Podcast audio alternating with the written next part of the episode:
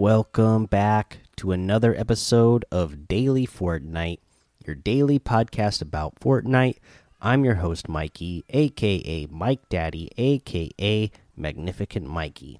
And big news we got an update coming tomorrow at 4 a.m. Eastern. Uh, so we'll have to see what what they got in store for us. So they say hi all 11 version version 11.40 tomorrow. Downtime for the patch begins at 11, at 4 a.m. Eastern. Stay tuned for updates when downtime ends. So now this is actual. This isn't. Uh, we we are in 11.3 whatever. So I believe this is an actual update, not just a small patch or little content update. So hopefully we'll be getting something a little bit more tomorrow. Hopefully we'll get our next round of overtime challenges as well. But I'm hoping for some uh, bigger, bigger uh, challenges. I mean, bigger changes uh, to the game itself, or, or you know, maybe just around the map.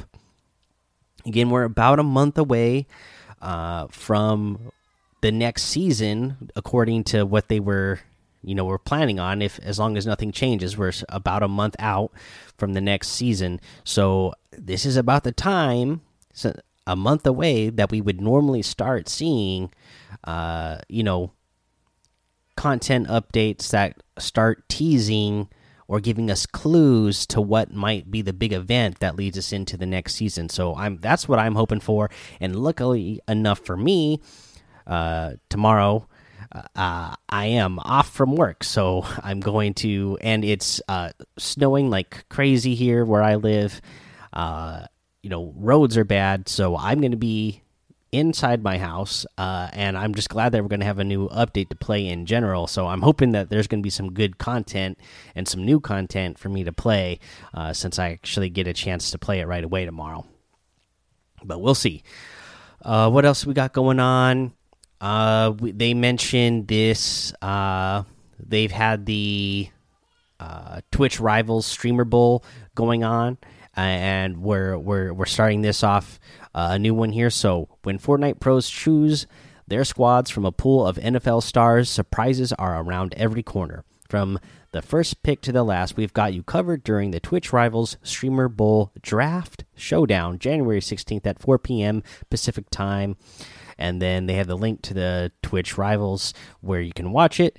And yeah, it's pretty cool. I mean, you know, you get to watch your Fortnite pros uh, uh, draft their NFL teammates, uh, and you know all this stuff. Uh, you know is played for charity, so that's always good stuff.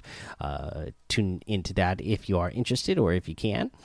Uh, we have overtime challenges, no new ones yet, so just you know keep grinding those if you haven't got them done yet uh, look up that squatting dog app so that you can get those done uh, let's go ahead take a break and we'll come back and go over the item shop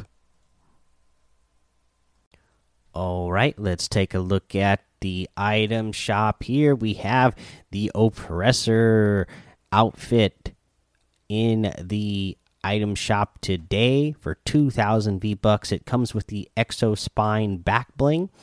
And remember, this one has selectable styles as well. The default, where it's like black and red, and then the blue, where it uh, is black and blue. Uh, you have the uh, plasmatic edge harvesting tool, which is a pretty cool one, and the angled fire wrap. Oh, sorry, I forgot to mention the prices. So the plasmatic edge harvesting tool is 800 and the angled fire wrap is 500. We have the whiteout outfit for 1500, which I love, and the overtaker outfit uh, for 1500 as well. And both of these have selectable styles that I like. You know, you have the helmet or you can wear them without the helmet. You have the White Squall glider for 1,200 and the Cyclone glider for 1,200.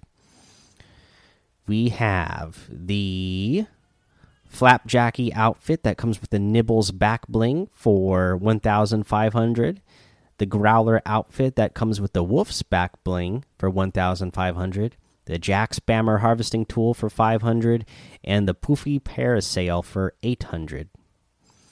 We have the Rapscallion outfit 1500, the Toxic Tagger outfit for 1200. The squared wrap for 500. I really like this wrap. The lazy shuffle emote for 500. The windmill floss emote for 500. And the crisscross emote for 500. Let's see here. Uh, we have the Darkfire bundle and the Polar Legends pack is showing up in the store for me again. It didn't show up yesterday, and they did say it was going away, and it wasn't in there for me yesterday when I was looking in the item shop, but now it's back there again today. So I don't know what's going on, if that's some sort of glitch or what, or if they removed it yesterday before they were supposed to. But remember, they did say it's going away, and tomorrow is an update, so I assume it'll for sure be gone by then. I don't know what's going on here. But yeah, that's the item shop. You can get all this using code Mike Daddy M M M I K E D A D D Y in the item shop, and it will help support the show. Hashtag sponsor. Uh, really long day uh, in the snow at work for me, so I don't have a tip for you. But uh, you know, I'll make sure I get some rest. I got the day off tomorrow. I will definitely be playing that uh, new update early, and we'll get all the content and information for you about that tomorrow, and give you any sort of uh, new tips or tricks for any uh, thing new that we uh, get in the game tomorrow with the new update. All right, guys, that's the episode. Head over to the Daily Fortnite Discord and hang out with us over there. Follow me over on Twitch and YouTube, Mike Daddy on all of those. Head over to Apple Podcasts, leave a five star rating and a written review for a shout out on the show. Subscribe so you don't miss an episode. And until next time, have fun, be safe, and don't get lost in the storm.